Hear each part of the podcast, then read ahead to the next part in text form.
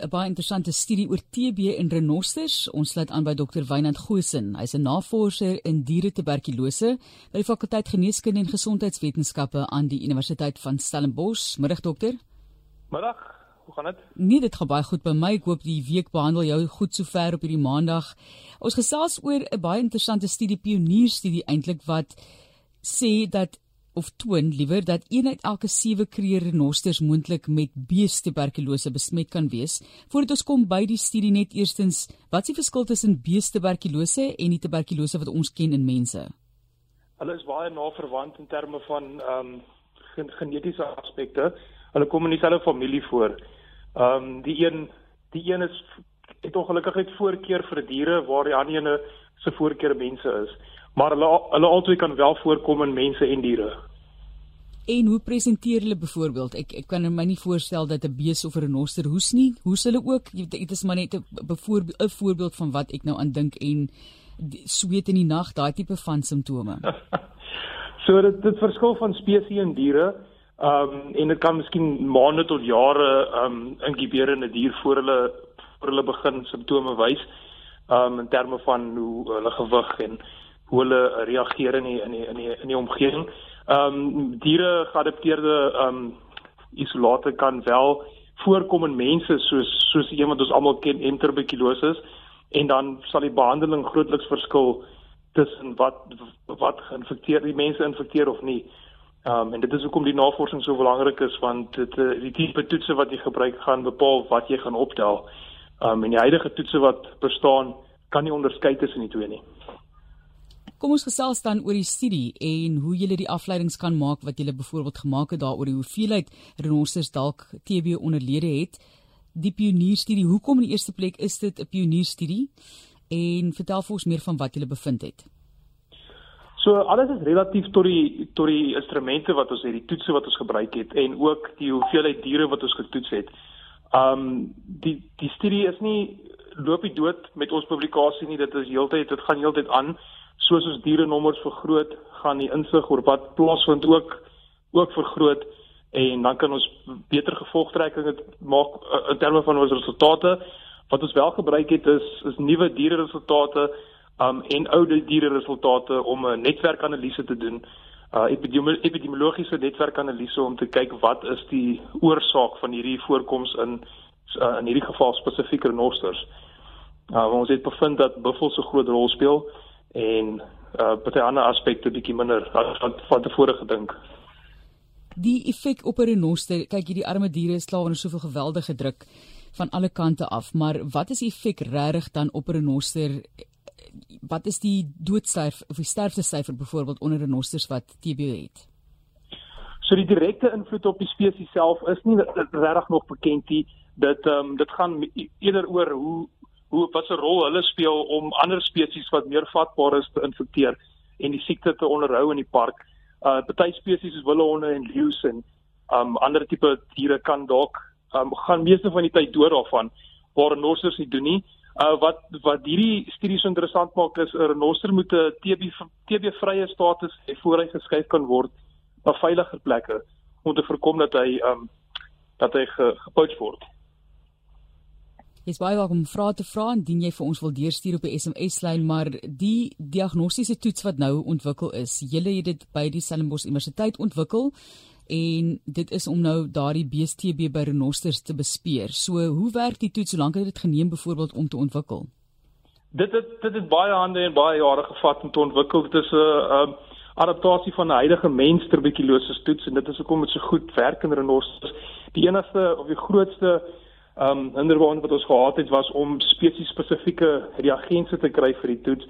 Want mense kan jouself indink jy kan nie ehm um, teenoor skoop vir 'n ostersie vir teenoor op beskikbaar is by verskeie maatskappye vir vir jou meer vir vir beeste en bokke en ook um, mense.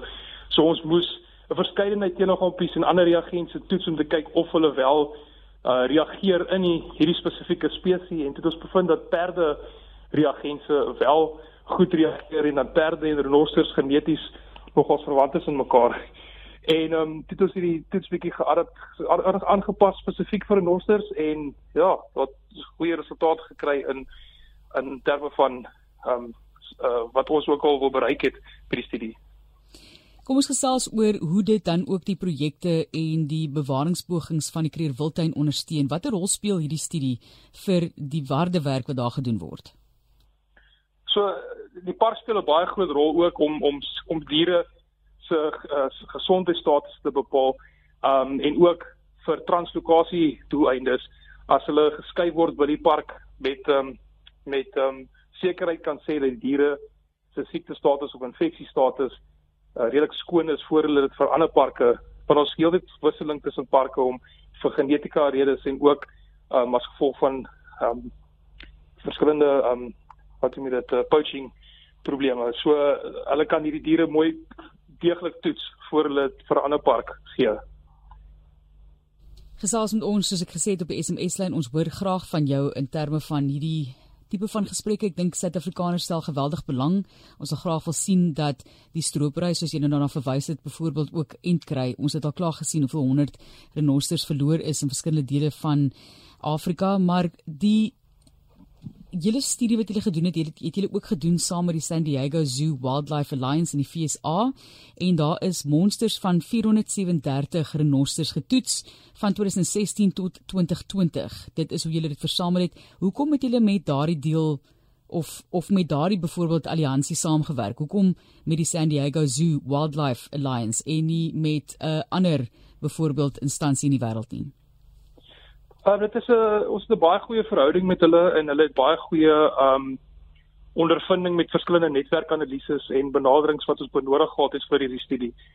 Um dit het net ons het net makliker saam hulle gewerk omdat ons vorige studies saam hulle al gedoen het en um ons ook op verskeie toekomstige projekte saam gaan werk tussen tussen die lande wat wat eintlik 'n vereiste moet wees vir hierdie tipe navorsing omdat 'n mens nie in 'n in jou silo as 'n land self suits kan kan ander nie. Jy het nou verwys byvoorbeeld na die toekoms. Wat lê voor vir hierdie studie? Gaan julle voort daarmee en watter renosters byvoorbeeld word geselekteer vir die studie? Is dit renosters wat reeds gevolg word? So toekomstige werk is ons moet in gedagte hou dat van die wildspesies in Suid-Afrika 24 van hulle het al infeksie getoon met tuberkulose. So ons werk hou nooit op nie. Ons moet sekere toetse adapteer en ook ontwikkel vir al hierdie spesies om ons toetse toetsery te kan verbeter en ook om die siekte beter te verstaan in verskillende spesies en wat 'n rol speel in daai oorlewing van daai spesies. Ehm um, dit dis dis vir toekomstige navorsing. Ehm um, hoe, hoe ons diere selekteer hang hang grootliks af van die park self en hoe hulle gekies word om ehm um, die horings af te sny om stroopry te voorkom en ons vat dan die geleentheid om bloed te trek en ons toetse toetse uh, toe te pas.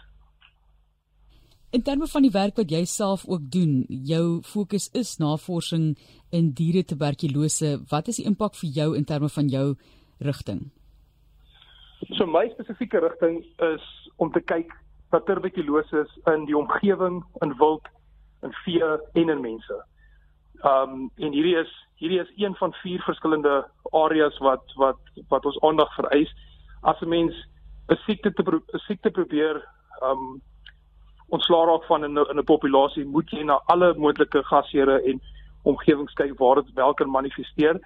Anders as 'n mens net na mense kyk dan dan maak dit eintlik reg sin nie.